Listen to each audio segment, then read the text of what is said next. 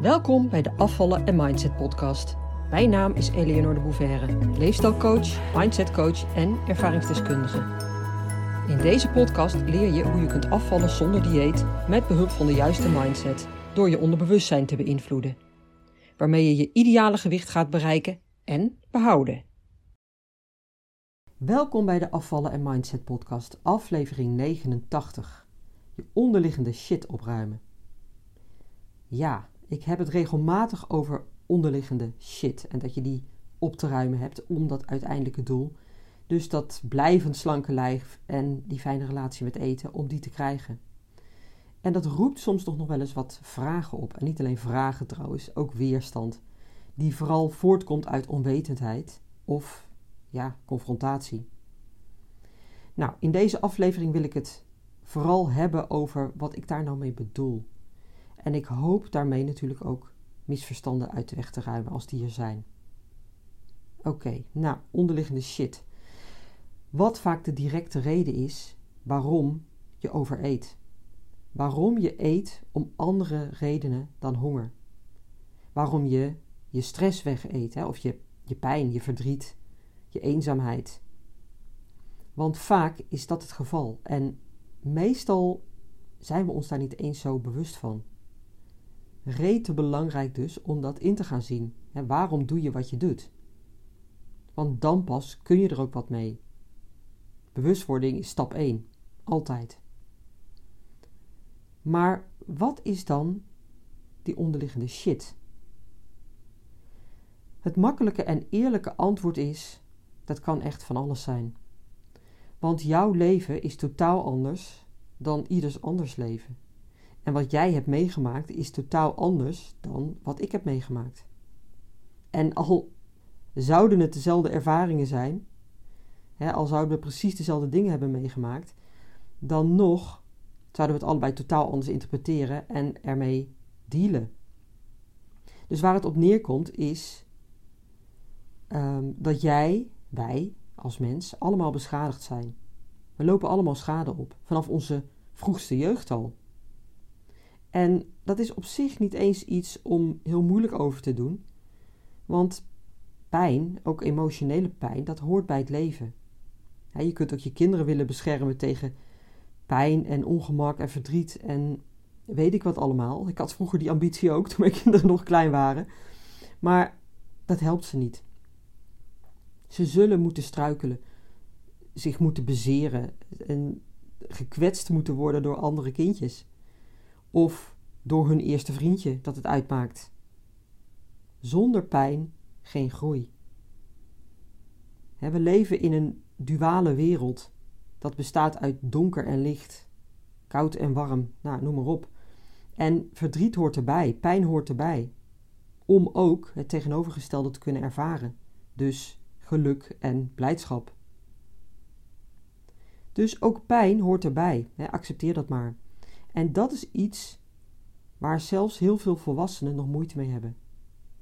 Omdat ze ergens nog in een illusie leven dat alles goed zou moeten zijn, altijd. En van waaruit dan, onbewust, ook weer de conclusie wordt getrokken dat ze dus kennelijk iets niet goed doen. Dat oordeel over zichzelf. Maar dat is dus onzin. Of ja, onzinnig, hè, zo je wilt. Waar het om gaat, is hoe je met pijn, verdriet en tegenslagen in je leven omgaat. Dus A, accepteer je het? Mag het er gewoon zijn? Kun je pijn en verdriet omarmen, zo gezegd? Kun je er zonder weerstand naar kijken? En B, als je het dan accepteert, hoe ga je er dan mee om? Heb je vluchtroutes, escapes, hè, voor hoe je ermee omgaat? En dat kan van alles zijn. Maar ja, bekende voorbeelden zijn natuurlijk eten. Je gebruikt eten om niet te hoeven voelen. Je gebruikt het als een soort druk om de werkelijke pijn niet aan te hoeven gaan. Maar een andere manier kan bijvoorbeeld in dezelfde lijn um, alcohol zijn, of gokken, of, of seks, of jointjes roken. En wat betreft dat laatste, ik heb van heel dichtbij meegemaakt hoe iemand zich regelmatig helemaal suf blode om maar niet te hoeven voelen. Om die pijn maar te dempen. Maar dat kan dus ook met eten. En ja, eten is een vluchtroute die natuurlijk veel minder opvalt dan bijvoorbeeld drugs of alcohol. En, en wordt ook meer geaccepteerd. als iemand uh, vertelt dat hij een, een, een vreedbui had, dat, dat hij een gigantische ruzie had met zijn partner, ja, dan wordt dat eerder begrepen en geaccepteerd dan wanneer je bijvoorbeeld naar drugs zou grijpen.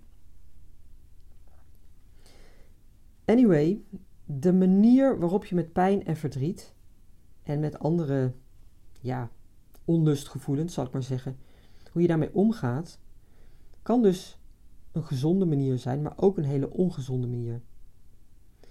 En daarmee bedoel ik niet zozeer de fysieke kant ervan. Hè, dus bijvoorbeeld uh, ja, het feit dat je door zo'n vreedbui van vijf repen chocola en twee zakken chips je lichaam enorme schade toericht. Of dat je door te blowen of door te zuipen uh, je hersenen een optater geeft. Dat is natuurlijk ook slecht. Maar ik bedoel eigenlijk vooral het vluchtgedrag dat je vertoont. Dus dat je niet op een mentaal gezonde manier met pijn kunt omgaan. Maar dat je dus um, een escape hebt gevonden, wat vaak een patroon, een gewoonte is geworden. Dat je dus een escape, een, een vluchtroute hebt ontwikkeld om daarmee om te gaan. En als dat zo is, dan accepteer je in feite niet echt dat pijn er mag zijn. Want je vlucht ervoor weg. Je wilt het niet aangaan. Je ontloopt het. En dit is iets wat we allemaal wel kennen. En wat we allemaal ook in meer of mindere mate doen. Of in ieder geval gedaan hebben. Maar dat is dus geen gezonde manier. Integendeel, het is een manier die we hebben ontwikkeld om onszelf staande te houden. Om te overleven. Om niet te hoeven voelen om de pijn te ontwijken en te ontkennen. En om op een oppervlakkige manier te blijven doen wat we moeten doen, zonder erover na te hoeven denken. En we zijn dan een soort robots met automatisme die ons lijken te helpen, maar in de kern natuurlijk absoluut niet helpen.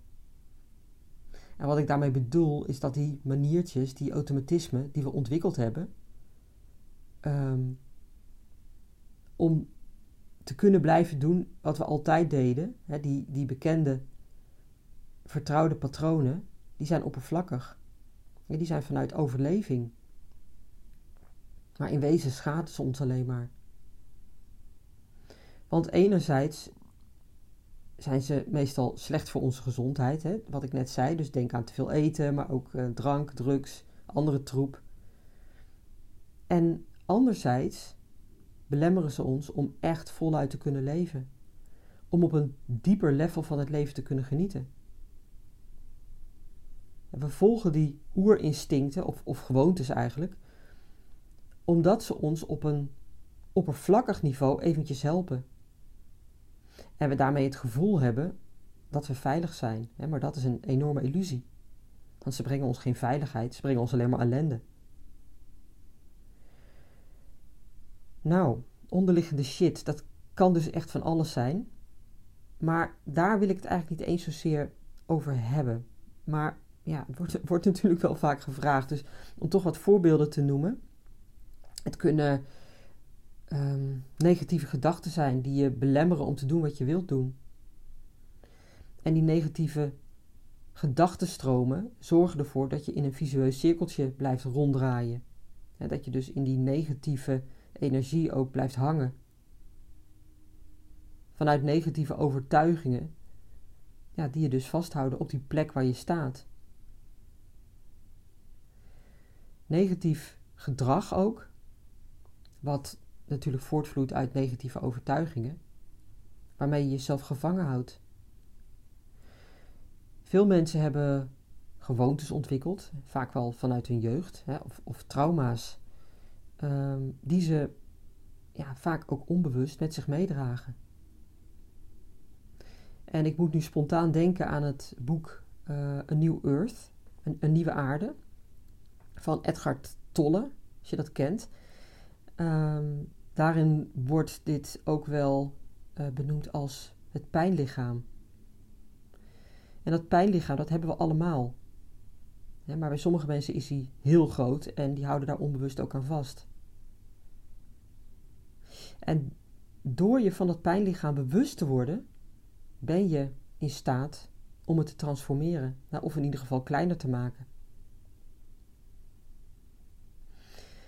Ga bij jezelf eens na wat mogelijke redenen zijn waarom jij nu nog eten gebruikt om andere redenen dan honger. Welke gewoontes, welke gedachten, welke emoties zijn daaraan gekoppeld? Door jezelf zulke vragen te stellen, kun je al een heel eind komen met het opsporen van die onderliggende shit. Hoewel het dan nog vaak best lastig kan zijn. En waarom is dat? Omdat je het bij jezelf vaak niet allemaal kunt zien. Of, of soms zelfs helemaal niet.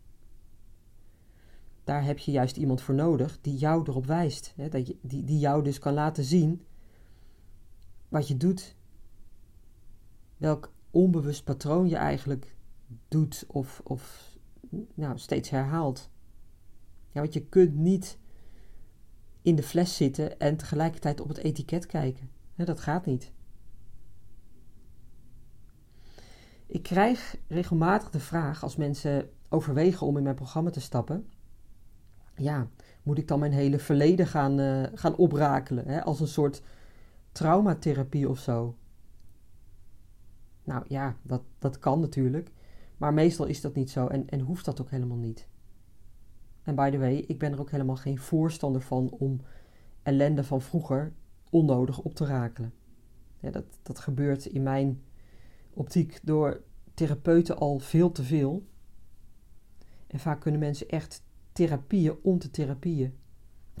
en jarenlang, ja, wat ik noem dan, in die oude soep blijven roeren.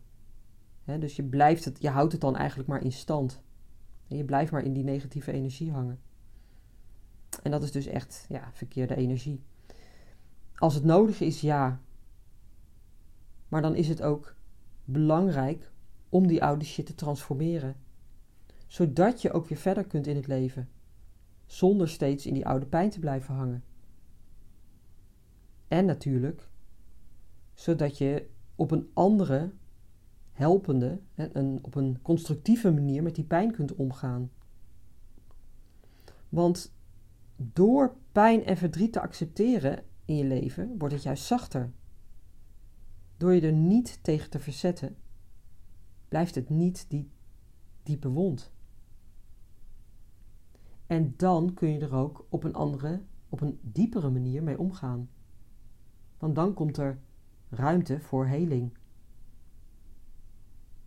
En heb je er helemaal geen eten, hè, in, in dit voorbeeld dan, heb je er helemaal geen eten meer voor nodig. Dan hoef je die pijn niet meer te dempen. Ja, dat is dan het, het grote verschil. Dus ja, je onderliggende shit opruimen. Ja, absoluut. Essentieel om die strijd, dat gedoe, met eten op te ruimen. Want die onderliggende shit is nou juist waarom je zo in die strijd blijft hangen. Dus door het op een diepere laag aan te pakken, neem je de oorzaak van je overgewicht weg. En door tegelijkertijd in je verlangen te gaan stappen en een nieuwe relatie met eten te gaan ontwikkelen, ja, dan pas kom je verder. Dan kom je ook verder als mens. Afgelopen week had ik trouwens een paar hele mooie sessies met, uh, met klanten van me. Bij wie heel duidelijk die onderliggende shit werd opgeruimd. En dat was zo mooi om te zien en ook om dat te mogen, ja, te mogen faciliteren. Ik zal hier ook zeker nog wel eens vaker over delen, hè, want dit is waar het over gaat. En mocht je op mijn mailinglist, staan, dan zul je die ervaringen ook nog wel voorbij zien komen. En dan kun je ze lezen. En sta je daar trouwens nog niet op, zorg dan dat je daarop komt. En dat doe je door heel simpel mijn e-book aan te vragen. En die vind je op mijn website www.afvallenzonderdieet.nu. Onder het kopje gratis bovenaan, uh, gratis e-book. En als je dan je gegevens achterlaat, dan ontvang je van mij een paar keer per week een waardevolle mail waarin ik, nou ja, dingen deel, ervaringen, ervaringen van klanten, ehm, adviezen geef. Um, maar dus absoluut geen oppervlakkige shit. En uh, ja, zorg dat je erbij bent, dat je die krijgt. En um, ja, verder wil ik nog even wijzen op mijn training, nieuwe training, die, um, die heet Afvallen en je brein. Het is een twee uur durende training, waarin je meer diepgang en inzicht krijgt in de uh, do's en don'ts van afvallen. En ik ga daarin ook echt in op de werking van je brein. Hè, zodat je ook dat gaat snappen hoe het werkt en wat je dus wel en niet moet doen. En zodat je een stevige basis legt voor de, voor de benodigde stappen. Nou, die vind je ook op mijn website. Um, onder het kopje Werk met mij, de workshop Afvallen en je brein. En die is op 2 februari. En mocht je deze podcast later luisteren, kijk dan natuurlijk even voor de datum die dan uh, genoemd staat. En last but not least, eind februari start weer mijn groepsprogramma. Nou, voor informatie en aanmelden, uh, kijk ook even op mijn website afvallenzonderdieet.nu slash groepsprogramma. Daar vind je alle informatie. En um, weet in ieder geval dat ik, um, als je al naar mijn twee uur durende training komt, hè, die ik zojuist heb genoemd, dus de training afval en je brein, als je daarvoor opgeeft, dan doe ik aan het eind van die training een heel goed aanbod, een heel aantrekkelijk aanbod. Zorg dus dat je daarbij bent. En um, ja, ik zie je graag daar. Um, ja. Kijk ook even in de show notes van deze podcastaflevering, want daar staat ook alle informatie in. Tot volgende week, dan ben ik er weer. Doeg! Leuk dat je luisterde naar de Afvallen en Mindset podcast. Ik wil je heel graag blijven inspireren. Als je je abonneert op deze podcast, ontvang je automatisch een berichtje als er een nieuwe aflevering verschijnt. Ik heb ook een gratis e-book. Dat vind je op www.afvallenzonderdieet.nu. Daar vind je trouwens ook mijn inspirerende blogs, die je automatisch in je mailbox kunt ontvangen. En tot slot, volg mij op Facebook en Instagram. Wil je meer weten over mijn programma Afvallen zonder dieet? Ga naar www.afvallenzonderdieet.nu.